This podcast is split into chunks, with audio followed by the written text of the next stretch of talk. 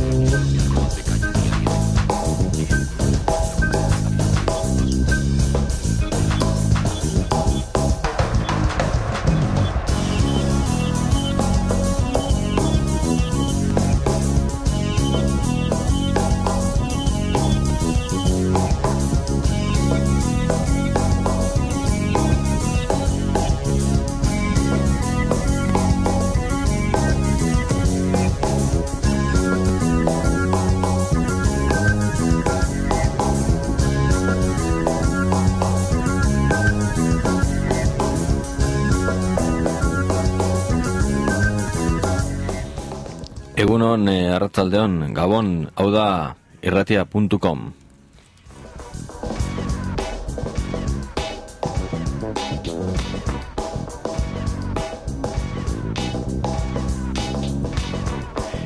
Globala eta lokala, kultura eta digitala, ustartzen diarduen irratizaioa.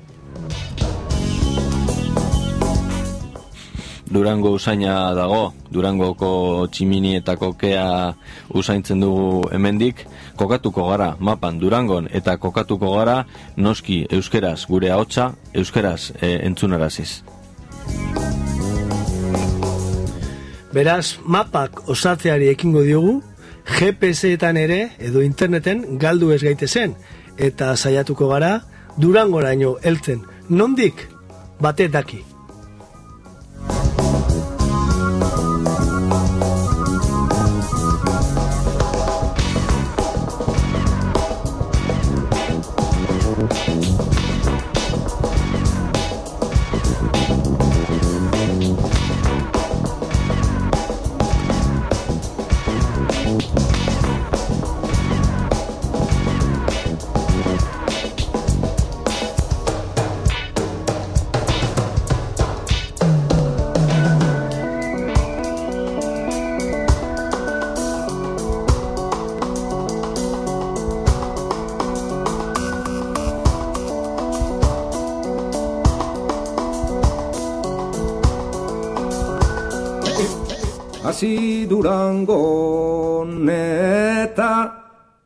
Maineritik gora Handixe zendun aldatza San Antoniora Ez larritu batien suerte txarra izan dala eta Urrunguan niri pasitekua da. Ai San Antonio kemon suertea. Ai San Antonio que mon suertea.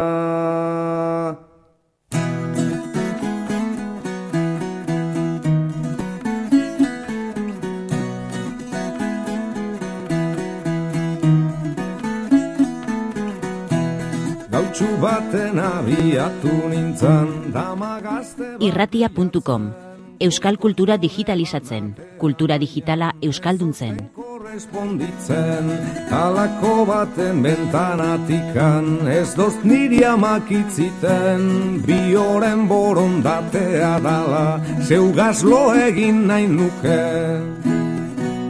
Zure aita lotara joan arte, ate ondoan gengokez, atera joan naizea presko, otzitu egin gindeke. Eta Durango nazi edo amaitu, ez dakio zer ingo dugun, pasa gaitezke Ibarretik, edo joan gaitezke Takzaniaraino, edo arago. Hori bide hori hartu dugu inoiz. Gaurkoan baina okerreko bide ingo dugu. Munduan hasiko gara, mapak ezagutuz, eta hurbilduko gara Durangoko azokara.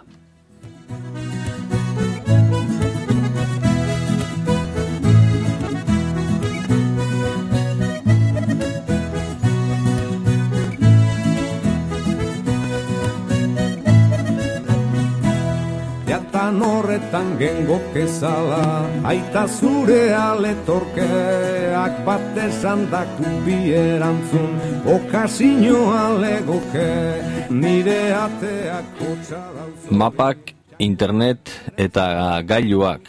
Horra e, merkatu oso garrantzitsu bat, horra e, alderdi ekonomikotik ikusten duten entzat. Horra informazio asko eta oso importantea, horra behar izan bat ere asetzeko, eta horra Euskaldunontzako eh, ajeak eta aukerak.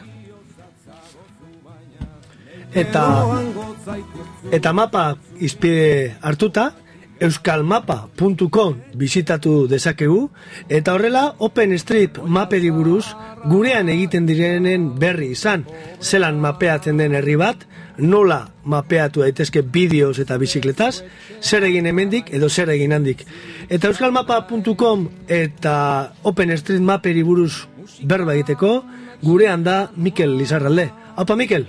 Opa Patxi Konta eguzu, zer da OpenStreetMap mapeatzen hasi edo mapa konsultatu nahi duenaren zat?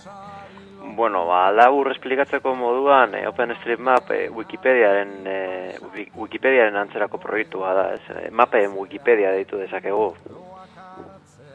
Eta zelan funtzionatzen du? Wikipedia gutxi gura zelan funtzionatzen duen e, jakin dugu, saio bat edo beste indugulako gaiaren inguruan, zelan funtzionatzen du OpenStreetMapek? Bueno, ba, e, erabiltzaileak daude munduan barrena, e, Euskal Herrian ere bai, e, ba, beren kaleak eta eta errepideak eta etxeak ba, jartzen dituztenak e, webgune horretan, ez? openstreetmap.org webgunean. Edo zein erabiltzaiek e, programa simple batzuekin ba, e, edizioak egiten ditu eta bueno, ba, guztion artean ba, munduko mapa osatzen ari gara. Eta baten batek galdetuko du, eta zertarako behar dut horrelako bat, ba, Google e, baldin badaukat, Google Maps e, esate baterako. Ba, bueno, gauza asko daude, abantaia asko dauzka ez. E, Google Maps e, datuak ez daude eguneratuta, e, datuak askotan ez dira zuzenak, e, gainera datuak ematen dizkigute beraiek nahi dituzten moduan, lizentzia ere ba, e, privatiboa da, ez?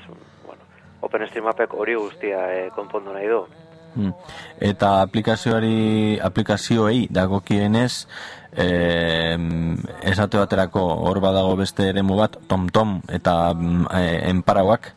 Eh badago hori OpenStreetMapseko mapak e, ikusterik alako gailu batean?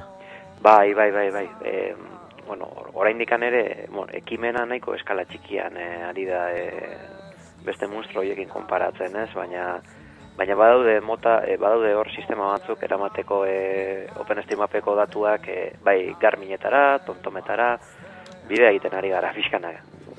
Ba, bideo horri buruz nahi genuke berba egin zurekin Mikel eta badira aste batzuk behintzat ba, mapping partiak egiten direla han eta hemen. Zertan data mapping parti batek? Bueno, ba, batzen gara hor lagun batzuk eta bueno, jendeari esplikatzen diogu zer den OpenStreetMap, ez? E, zergatik sustatu nahi dugun, zergatik den e, garrantzitsu euskaldunontzako gure mapa eukitzea e, e, OpenStreetMapen eta eta gero erakusten diegu erabiltzaileei nola editatu dezaketen beren mapa, ez? E, beren herria nola jarri dezaketen mapa honetan.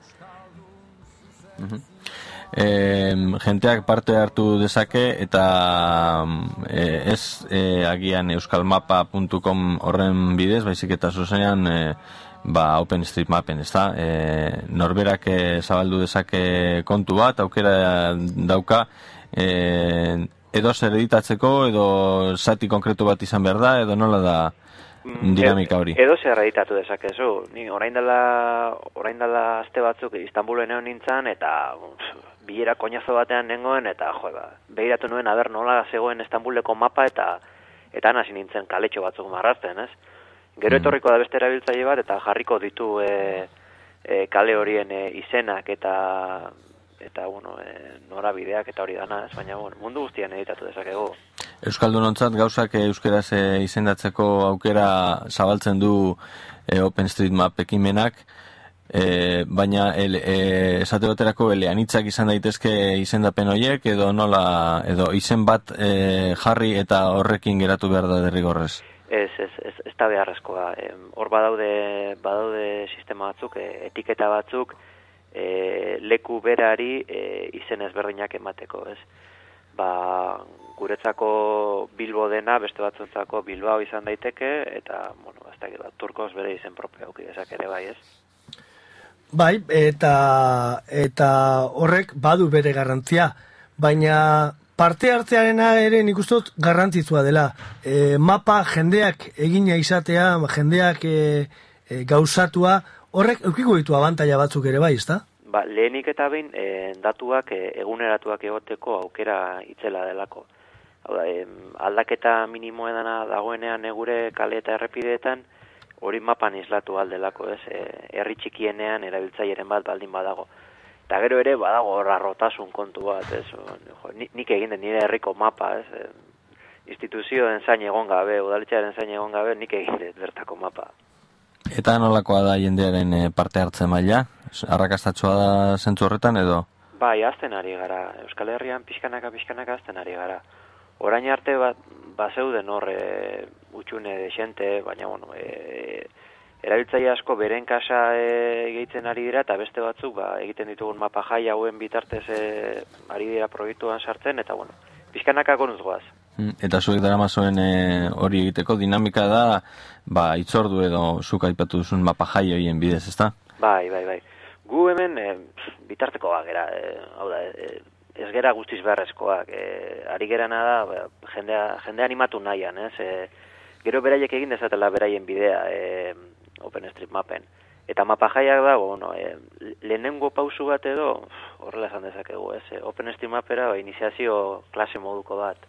Egin egin daiteke berdin eh, nor, nork bere etxetik eta edozein momentutan eh, ba, ekarpen hori, ezta? Osa, izenak ematea eta mapeatzea, ezta? Bai, hori da. Eta gainera aurrekoan e, alegian esan ziguten horrelako zerbait egin behar genuela, ez? E, nola de Montre gida moduko bat e, edo zeinek e, bere etxean e, hasi dezan e, proiektuan e, parte hartzen, ez?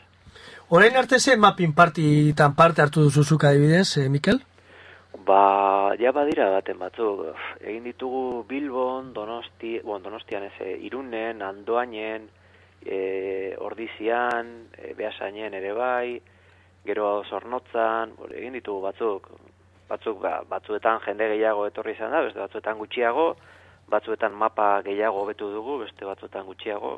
E, etortzen den jendearen araberakoa izaten da. Baina horrek dudarik gabe eukingo zuen e, bueno, e, eragina, e, OpenStreetMap erabiltzaile Euskaldunen kopurua areagotu zela somatzen dut, eta eraberean mapa ikusgarria egongo da agian, ezta? Bai, bai, bai, bai. Le, leku askoetan eh, mapa izugarri hobetu da.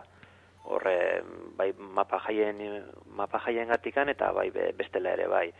E, orain dela urte eta piko ni hasi nintzanean OpenStreetMapen donostia utxik zegoen, ez?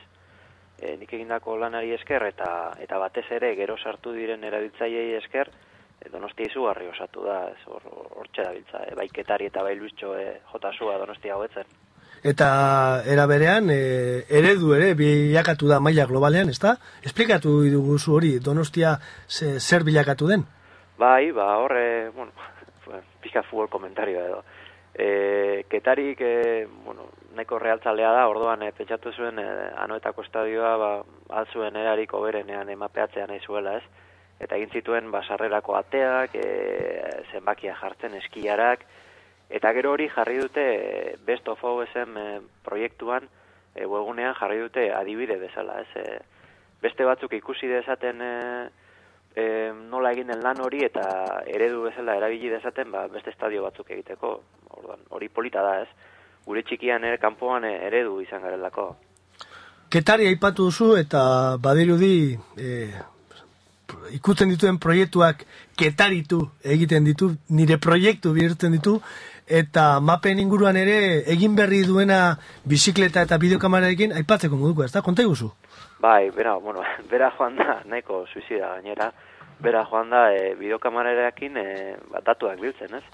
E, beste batzuk e, argazkiak ateratzen dituzte eta GPS seinalearekin gero kombinatu e, datu horiek OpenStreetMapera igotzeko, berak egin duena da e, bideokamerarekin joan, ez? E, donostiako kaletan ibili da, e, ba, bueno, kaleen izenak e, apuntatzen, e, e, peora zenbakiak nun dauden, portal zenbakiak nun dauden, e, norabideak ere bai, azkenean dira e, baliabideak e, aprobetsatzea, gero datua jaso eta hori OpenStreetMapera jotzeko.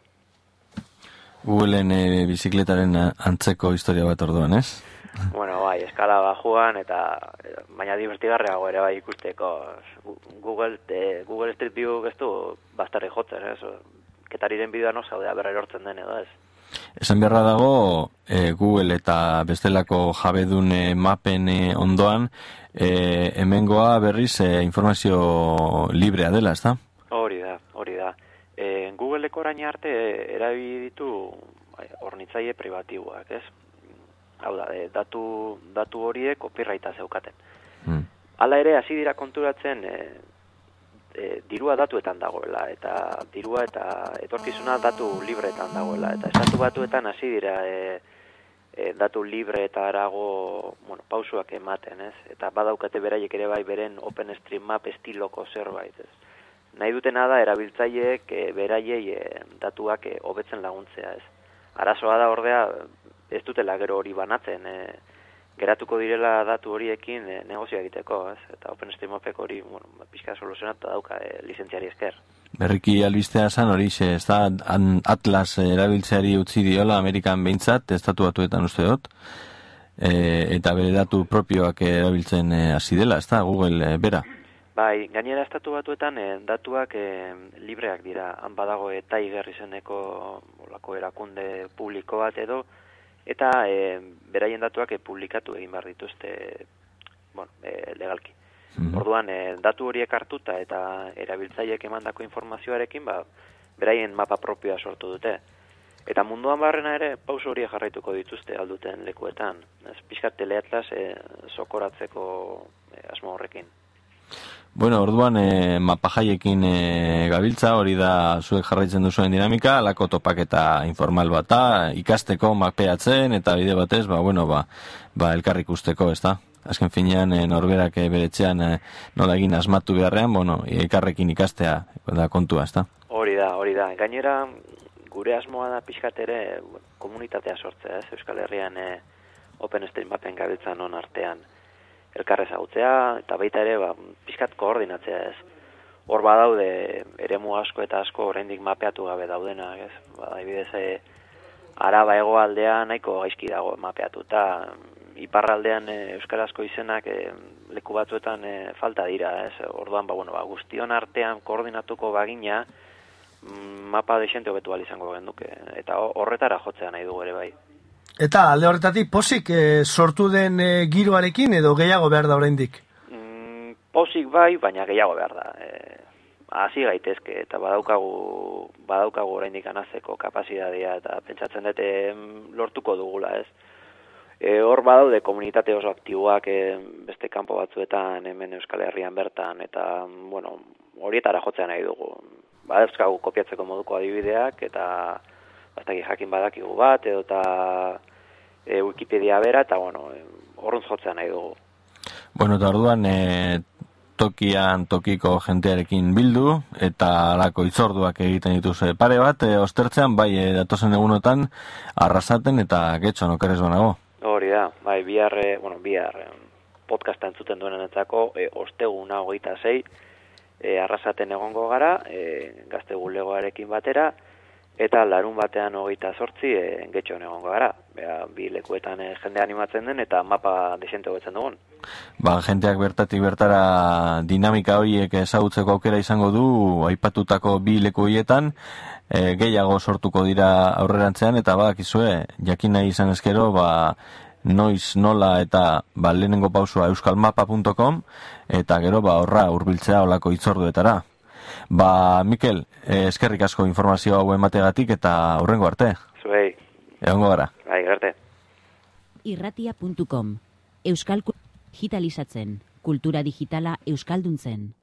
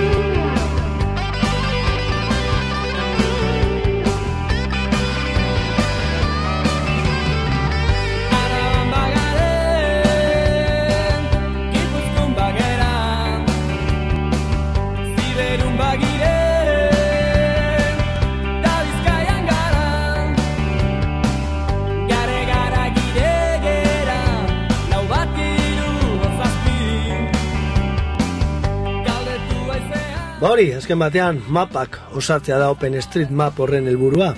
Araba, Gipuzku, Siberu edo nahi duzuna osatu, edo kantxejungako punta hori.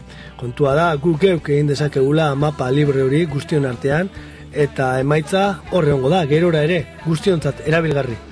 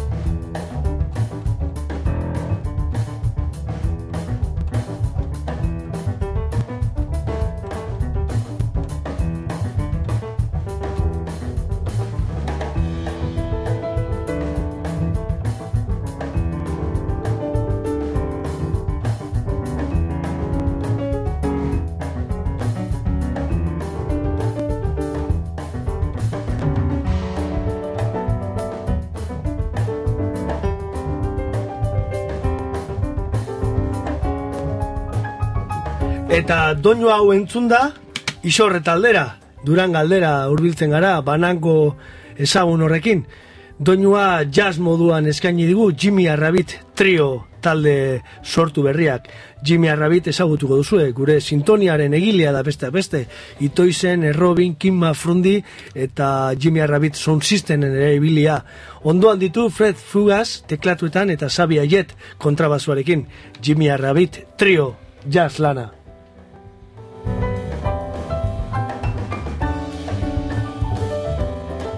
Hau eta beste nobedade asko eta asko izango ditugu aurten non eta durangon, non eta berrogei garren liburu eta disko azokan.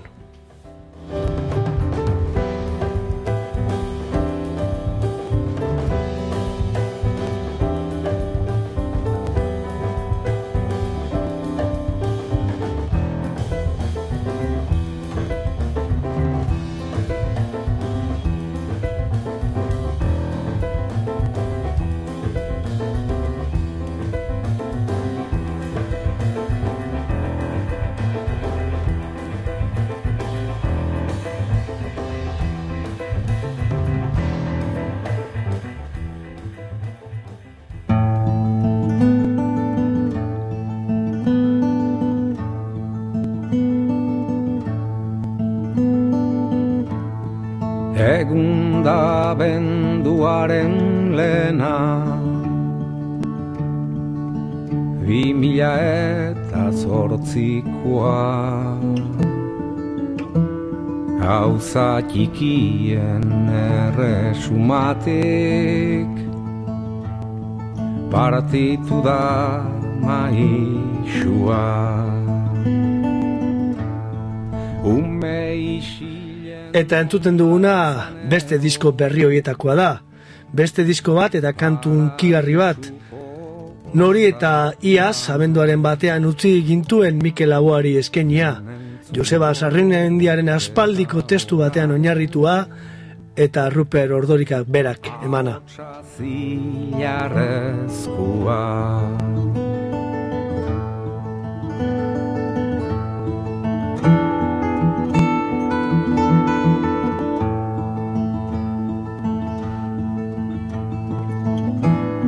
Euskaldun jendean egar ez dago Aizea garizumakoa, garizuma oraindik ez da heldu, baina aizea aurreratu egin zaio. Euskal eh, doinu bat, baina Brooklynen grabatua. Ula belaradiko kantari Zure haotxa entzun gurana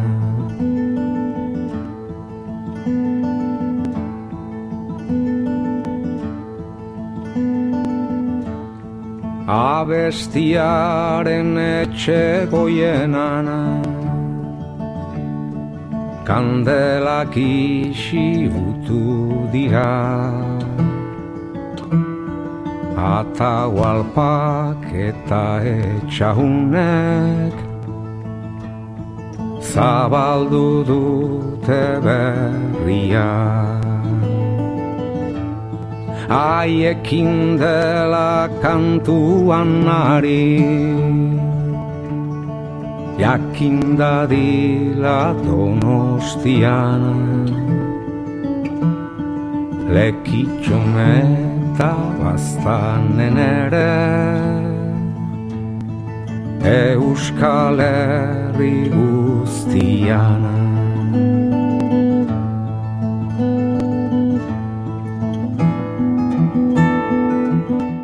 irratia.com Pentsatu lokalki, eragin globalki. Euskaldun jendean negar ez dago Eta laboari entzundako kantu ederre horrek kokatzen gaitu Durango bidean.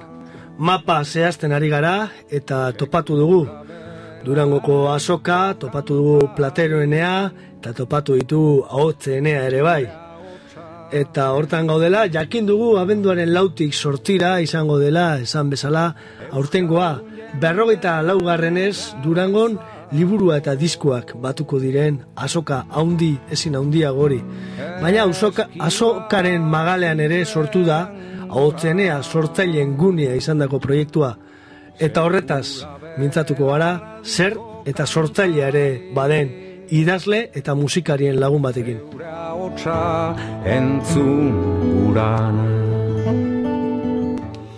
Ahotsak aipatu ditu eta ez bakarrik e, entzunezkoak, idatzizkoak ere e, gaur e, eman duen prentza horrekoan Edorta Jimenezek eta telefonoaren bestalde daukagu. Kaixo Edorta?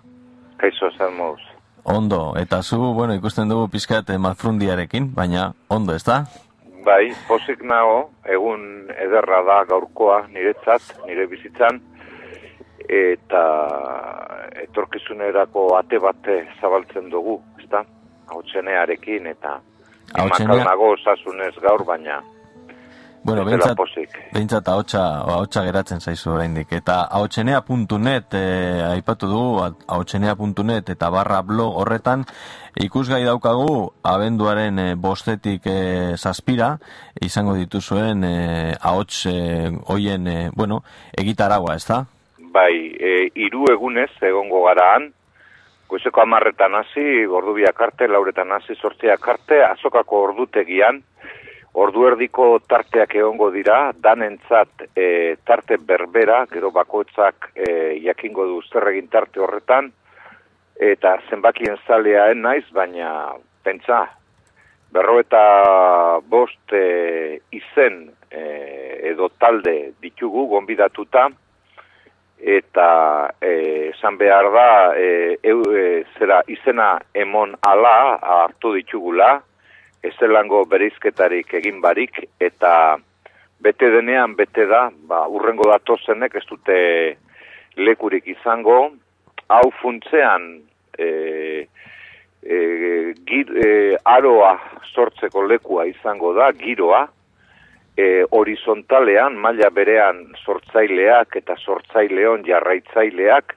elkarren berri izan dezagun, elkarrekin mintzatu gaitezan, hitz egin dezagun, berbetan egoteko, eta e, aurrerantzean, ba, ba, ba, hemen abiatuta, ba, ikusteko gure euskarazko sorkuntza, naiz dela musika, naiz dela literaturan, zelan zabalduko dugun, ez da zeharo berria, e, sortu zen mende berri, berriarekin iritzirako eta egokitzen joan behar dugu eta egokitu baino hobe dugu pausu bat aurretik joan, ezta? Eta horrela da, otzenea.net horretan e, topatuko dugun informazioan ikusten dugu, hori berrobetaka aurkezpen izango dela, hasi abenduaren bostean amaika terdietan, Bai. eta e, abenduaren zazpiko iluntzer arte, izango dira solazaldiak, kantaldiak, irakurraldiak, errezitaldiak, diska aurkezpenak, DVD aurkezpena, proiezioak, bideo emanaldiak eta labur metraiak. Sorkuntza badago, egon. Bai, sorkuntza badago, baina ez da ezaguna musikaren kasuan e, bota egin gaituzte e, musika entzuten den leku gehienetatik. Heme berrogei latino horrek e, lekua kendu digu. Eta, eta holan, ba, gure sorterrian, esate baterako mundakan, non entzuten daken zazpi kenduta kanturen bat euskeraz, eta eta sortzen, sortu sortzen dugu, gotzon lankideak lenguan argian, esan moduan, baina guk sortzen duguna ez da ezaguna, eta badugu garaia edo sasoia, ba, guk sortzaileok e, gure kitarra edo gure gure ordenagailua lepoan hartuta kalera irteteko, jendea bilatzeko, lekua zabaltzeko, eta hau hasiera da. Izan ere, bueno, Durangoko azokaren e, e, testu inguruan e, kokatzen da hau, baina e, ez dakit baitan, magalean edo albo proiektu esala nola zuk azalduko diguzu, baina azken finean keska batek e, bultzatuta eraginda e, azokaren beraren inguruko keska batek, ezta? Bai, urteetan eta urteetan, azken egunetan eta gauetan beti sortzaileen negarrak entzuten eta negarrak eta nien nago negar egiteko, bakizu.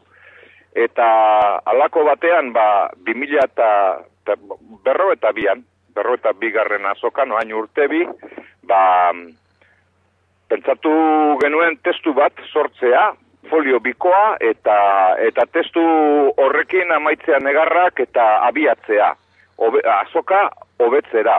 Ze, beira, azoka asteburuetan e, ezer egiterik etzegoenean, autorik etzegoenean sortu zen azoka. Gaur egunean, azoka asteburu luze horretan izaten segitzen du, eta jendeak nahiago izaten du mendira joan azken batean, ba, liburua lentsuago erosi edo beranduago edo diskoa berdin dio jendeari. Orduan, guk azokari, azokara etortzeari utzi dietenei dei egin nahi diegu, etorri daitezen, eta horretarako eskaintzen diegu doainik, nola baitezan, e, ba, ba, bestela e, musikariekin ordaindu egin beharko luketena, eta musikariek oso ondo hartu dute, eta, eta gurekin egoteko aukera ematen diegu, eta begira, berro eta bost or, e, kitaldietan, oget, e, egingo ditugun orduetan, denentzat izango da zerbait, eta e, azoka orekatu egingo dugu, ze azoka merkatalgune bilakatu da, zorionez, ez gaude horren kontra, baina e, ez da inondik ere, baina guk beste, beste gune bat sortu dugu, eta izango alda, e, izan alko da, et, etorkizunera begira, ba, gune gehiago sortzeko. Esan dezakegu orduan, Euskal Kulturak berrogeta bost ordu erdi gehiago irabazi dituela urten. Bai, bai, hori da. Hori irabazi ditugu orduok, eta gainera euskera utzesko gunea sortu behar dugu. Ze badakigu Euskal Herrian beste hizkuntza batzuk ere badira, baina eleba, gune elebakarrak eh, eh, ez, dira, ez dira asko. Eta gu gune elebakarra eh, sortu nahi izan dugu hemen.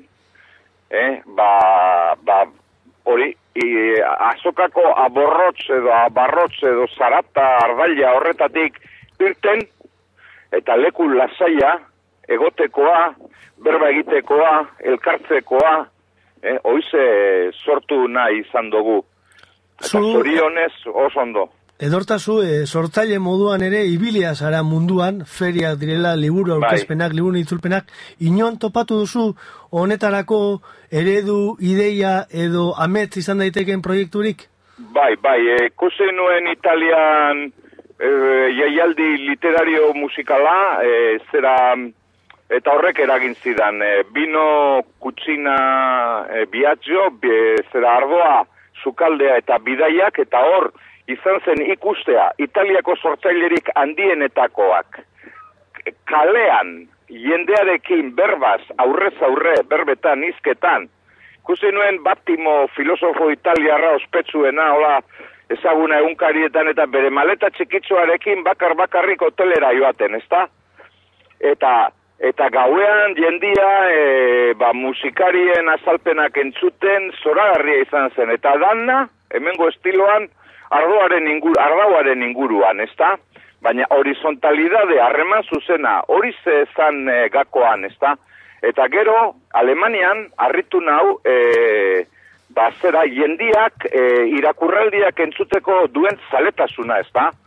Eta egoten ginen e, orduerdiko irakurraldia egin, eta ja gu e, kezkatuta, eta jendea jesarrita, eta beste orduerdi bat, edo, eta beste bat, eta hola, ez, e, eta konbentzitu nintzen literaturzaleek zelan eskertzen duten e, idazlearen ahotsa, be, idazlearen testuak irakurtzen, ezta? Eskertzen dute hortik e, gehien bat e, etorri zait e, etorri zitzaidan edo etorri zitzaigun ideia eta noski afnakek egiten badu eta nik hemengoa baino lehen ikusitan neukan Frantzian eta e, sortzaileak jendearen aurrera ekarri e, liburuaren edo musikaren propaganda egiteko hirukantu jo eta mundu guztia posposik.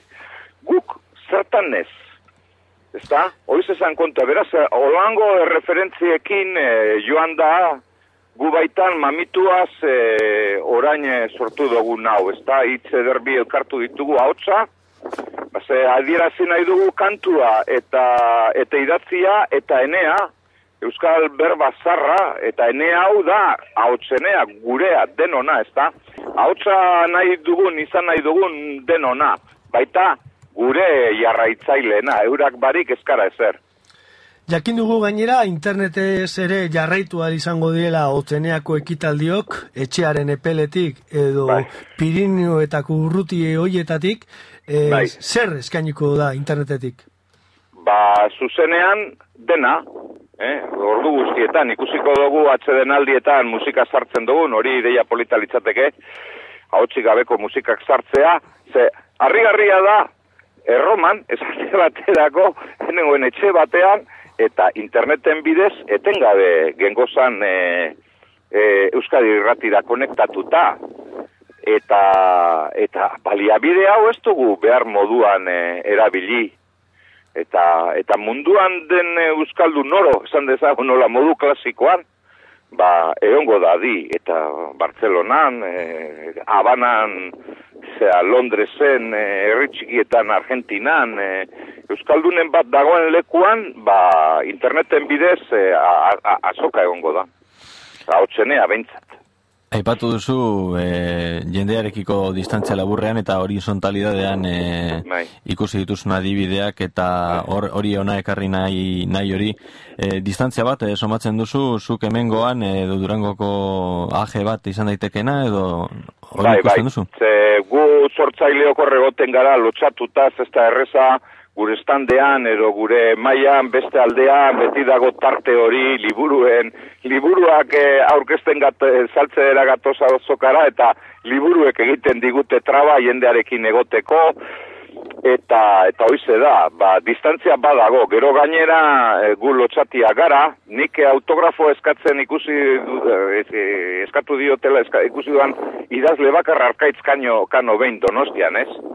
Eta ni idazle modura kalean agurtu nauen liburu bategatik pertsona batek nire bizi guztian, ezta? Eta inozu, ba, badago distantzia hori, pertsona horrek esan zidan parkatu hau zara eta hau idatzi duzu eta eskerrik asko segustura irakurri dut. Bo, ez dut esango izar bihurtu behar garenik, eta izarren sisteman sartu behar garenik, ez da inondik ere, ga, e, naiz eta batzuk alegintzen diran, izarrak sortzen, ez, ez, ez, gurea izan behar da, gu, jende ezagutu, irakurleak, irakurleak gu ezagutzea, eurekin egon, e, e, ze, i, gaur egungo gizartean irakurtzea ez, da, ez dago errez, eta nik nire ustez e, jendearekin egonda jende animatu egiten da irakurtera eta zer esan musikaz. Musika iaia haua zabaldu eta koliarakadaka sartzen digute nahi eta nahi ez eta eta nahi duten musika. Nietzat iaz, zuzeneko musikak zoragarriak e, izan ziren, hain zoragarriak ze, gero hazen nintzen zuzeneko kontzertuetara jote, joaten, ez? Akustikoetara urteetan joan barik, ze musikak zuzenean beste zer bat dauko, eta hain distantzia laburrean e, ze esanik, ez? Bruce Sprintingek berak noizean behin pabetan eta egiten du publiko txikiaren txat, ezta?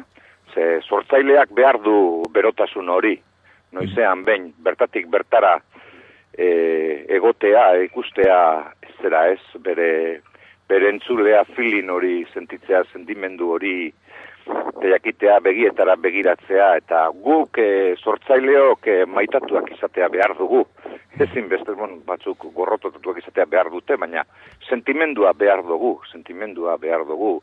E, gu badugu gure egoa, hori gabe ezkenuke musikarik egingo, eskinateke estenatokira igoko, ezkenuke pentsaurrekorik egingo liburuak orkesteko badugu gure, gure egoa, eta badugu gure bihotza eta gure bihotzak lastanak behar ditu eta eta uste nire eritzirako gure e, konsumitzaile hitz esan dute lehen gure jarraitzaileek e, behar dute gure taupada hurbilan sentitu ere. Distantzia laburtzea, e, aipatu duzu beste lehen e, hasieran beste helburu bat e, jaizubi hartzen duen e, jende Bai. gehiago ekartzea, e, ba, bizitari Bai. edo azokari galdu hoiek berreskuratzea. E, Bai. eta aipatu duzu izaera elebakarra e, Bai. euskal izaera nolabait, e, euskal e, indartze aldera izango da, mm, e, azken finean e, a, Bai. egiten zaion kritika bat e, erderak e, zirrikitu asko e, E, probestu eta sartzen Bai. dela durangoko azokan eta horren aurrean zuek euskal izaera nabarmentu edo indartu nahi duzu ez da? Bai, hori da. Ze onartu, onar dezagun bengoz zein den gure neurria. Begira dezagun azokara eta ze produzio dagoen. Eta produzio horren barruan zer sortzen da euskeraz. Gaur argitaletze bi. Dago euskera utzean argitaratzen dutenak zuzak, sormena eta igelak itzulpena. Eta eskara ohartzen. Eta dena nastutan, babel horretan, ba, ba, asko baikor irteten dira, eta pozik, eta esango ni pozik irtetenen naizen. Ba, baina, ez, ez, azken urteotan ez naiz pozik itzuli azokatik, naiz eta nik momentu batean edo bestean liburuak saldu. Eta hori da, ele, e, gune ele bakarra behar dugu, ohartu gaitezan, literaturian, e, larrabetzun, e, ohartu ginen, gure neurriaz. Handiagoa da, hangoa baino, baina, baina ohartu behar gara. Euskarak berak e, beste bultzada bat behar du. Nik lehen e, prentzaurrekoan esan dut, aldian behin izaten dira bultzadak edo sakadak edo kolpeak, Durangoren sorrera izan zen bat, irurogeta bostean edo lauan, Euskara batuarena izan zen beste bat, eta Euskara eta Euskal kultura bizi dira lengoek egindakoaren e, mende edo pentsura, haren inertziaz, baina inertzia desagertuz doa, eta laster berriro beste bultzada edo sakadarik espadago inertziaren inertziaz azkenean hau fizikaren legea da gelditu egingo da. Gelditu egingo da. Orduan, bai hizkuntzak berak kalean batez ere, hainbeste teknikari eta bai e, sormenak e, behar dute beste bultzada bat. Eta bultzada hori e, hizkuntzari dagokionean iztunen e, ahoan dago, e, eta iztu, e, horren arabera etorriko da etorkizuna, eta e, sormenaren e, etorkizuna sortzaileon e, eskuetan izan behar dugu. Beste eragileek, argitaldariek eta edabideek eta ba, ba, badute gaia edo bazka edo jatekoa edo hornikuntza e, hemendik, baina gugu sortzaileok ez dugu sisteman eragiten idatzi edo kantatu edo egiten dugu eta gure produktua uretara botatzen diran e, jaurtitzen diran botella le sordoa eta ez dakigu nora doan nora iritsiko dan iritsiko dan ez den iritsiko geurezkoetan hartu behar dugu ze e, ziklo baten amaiera sumatzen du nik ez da kulturan. Ba, aldakuntza etorri dira euskarri berriak eta eta ez beti gure hizkuntzaren eta gure sormenaren mesedetan Sortzaile ere basaitugu, edorta horrela ezagutzen zaitugu azken amarkaetan, edorta Jimenez e, idazlea, Omar Navarro poeta, eta gainera durangon e, nobeda de batekin. Estok bai. amairu, eta bai. ez ara ez Mikel Aboaz, ez mugimendu kultural horretaz. Ari, zer da estok amairu hau? Ba, tituloa, titulotik azita, zirikada galanta, ze estok, edo estok inglesez hori amairu, ba, horren oi hartzuna dauka, Gero, e, ba, askatasun aldarrikatzen duen liburua, gero, tabu batzuren kontra egiten duena, eta ezagutu ditudan makume batzuekin izan dako harremanen gorazarrea, eta, eta bo, pasarte batzuk e, esan daiteke liburuan e, pornografikoak direla, era bat, e, baina ez dira asmatuak, e, eta beste pasarte batzu gogoeta dira.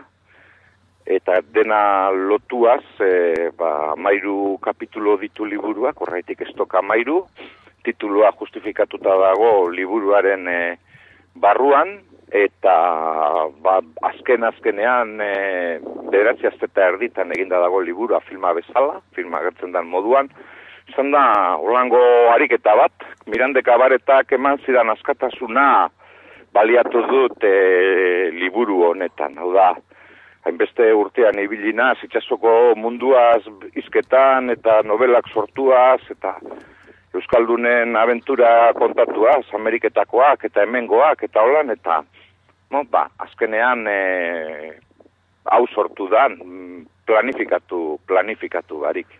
Mirande Kabareta... azken lerroraino provokazioa da. Mirande Kabareta ipatu duzu, eta bai. liburuaren aurkezpenean berean, ba, Galder Peretan e, Zabala, gure bai. irratikideak ere badienak izango dira, Rafa Arrueda, beste bai. bat, beste kantari bat ere, izango bai. duzu alboan zuzenean kantuan, eta bai. irudien proiektzio bat ere bai, Joseba Barnetxea, barnetxea.com webgunean egilearekin. Bai. Eh, estoka mairu, ez da soilik, itz laua, beraz? Ez, e, bihar hori sortziretan izango da kalderapekon, e, gonbidatuta dago mundu guztia. Bez, jende aurrean aurkeztu nahi izan dut, e, lagunak egin ditu dalako, aipatu dituzunak, eta honen arira esan nahi dut, esate baterako, Rafa Rueda ezagutzeko zoriona izan nuen lagosotaren omenaldietan, eta arrezkero lagun bilakatu gara, eta joaten nahi Rafaren kontzertuetara, eta ba, bueno, publiko askorik ez da egoten, eta alako batean kantatzen du publiko zabal baten aurrean, igandean leketxion kantatu zuen moduan, eta jendea osabali geratzen da, ze ona den, ez da? Hau da, hotxenearen arrazoietako bat, hain zuzen ere. Eta lagunak dira, etorri ingo dira, eta nahi, nahi dut, e, liburuaren e, aurkezpen berezia, berezia egin. Ze liburu hau aurpegi emateko liburua da, ze badakit, e, e, ba, barrukoek e, hor, hor barruan daudenek e, ba, zera eragingo dutela, zarata eragin dezaketela. Behar da, ez behar bada inorkestu liburuari buruz egingo, baina hoize da, jende aurrean, barriro ere jendearekin egon nahi dut, jendearekin egon nahi dugu, eta gure irakurleak eta gure entzuleak banan-banan irabazi, banan-banan. Bat irabazten dugun egunean, oera joan gaitezke eta esan, ondo. Ez da, bat, irabazten dugun egunean. Eta kalean berdin. Eta hizkuntzarekin berdin, bat irabazten dugun egunean, oera lasai joan gaitezke, ze susmoa daukat, egunero galtzen dugula zerbait edo norbait. Ba, lagunok, e, badakizue, ostegunean e, kaldera pekon sortzietatik e, aurrera, ba, Edorta Jimenezekin banan-banan nahi baduzu erreskadan jarri, eta horre eukiko duzu, aukera edortarekin egoteko, egoteko, baita beste, patxik aipatu dituen beste lagunekin, Bai. eta ikusi nahi baduzu edo ezagutu nahi baduzu liburua, bueno, basala esan du, esango dugu, nahiko deigarria dela, ez da laguarkabean pasatuko durango ere, e, espero dut. Eta... Ez, ez, ez dut uste. Bai, hori bai. da beste kontu bat, umeak joan daitezke durangora, ez da, hori da, umeekin joaten dira, eta hola, ba, ba, ba behira, e, azken egunak handiagarekin, eta ez tokamairu hizkuntza berean idatzita daude, baina muturbi bitakoak dira. Eta muturrak behar ditugu, anistu gure zera.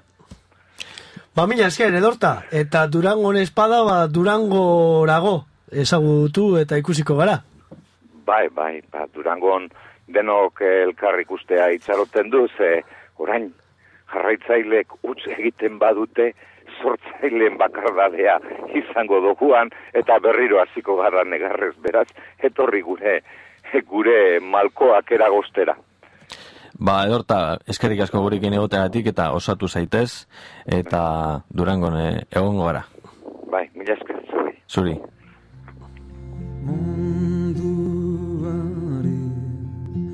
Begiratzeko modu bat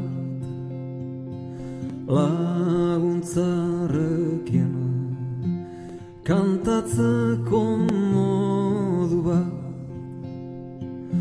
Oman eguzkia hartzeko modu bat itxaroten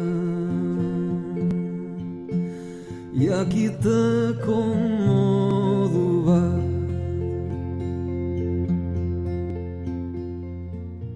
Maritxu nora soaz, eder garantori, iturrira bartolo nahi badezu etorri. Iturria zer dago, ardotxo txuria, biok erango dugu nahi degun guztia.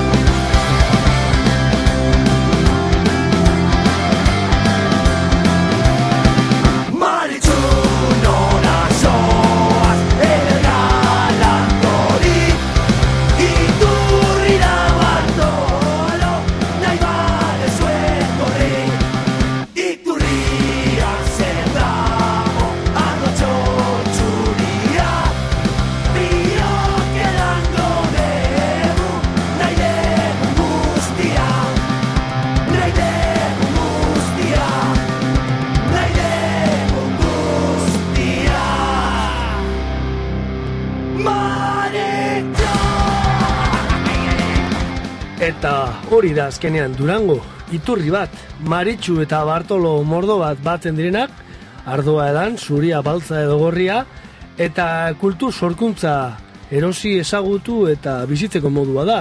Gauta egunez, parrandak, kontzertuak, besapeko karpetak, eta bar. Meka bat Euskaldun kulturaren jarraiten lehintzat, baina ostantzean be, egun handia dira Durangokoak. Ardotxo txuria, biok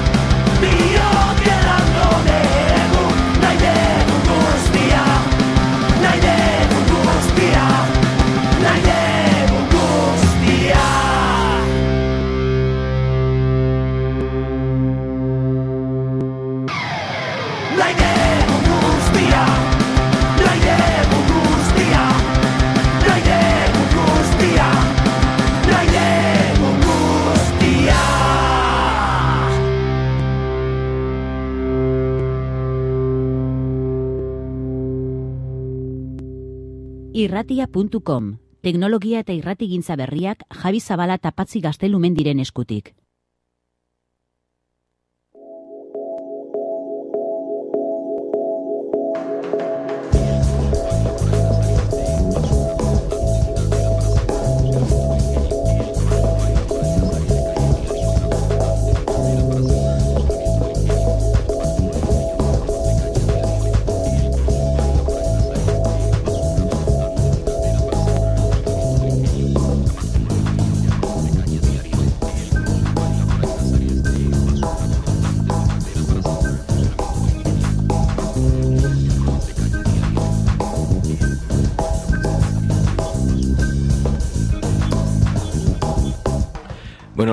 Kubagoaz e, sintoniako radio relojeko hautsak dien moduan, e, zafrara, e, guagoaz gure kainaberak mostera.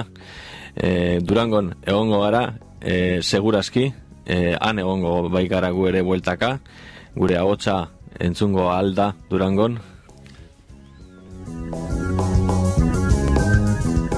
Durango aurretik baina beste saio bat ere badaukagu, beste saio kultural bat egingo dugu, musika eta literatura ustartuko ditugu, hemen irratia.com emankizunean.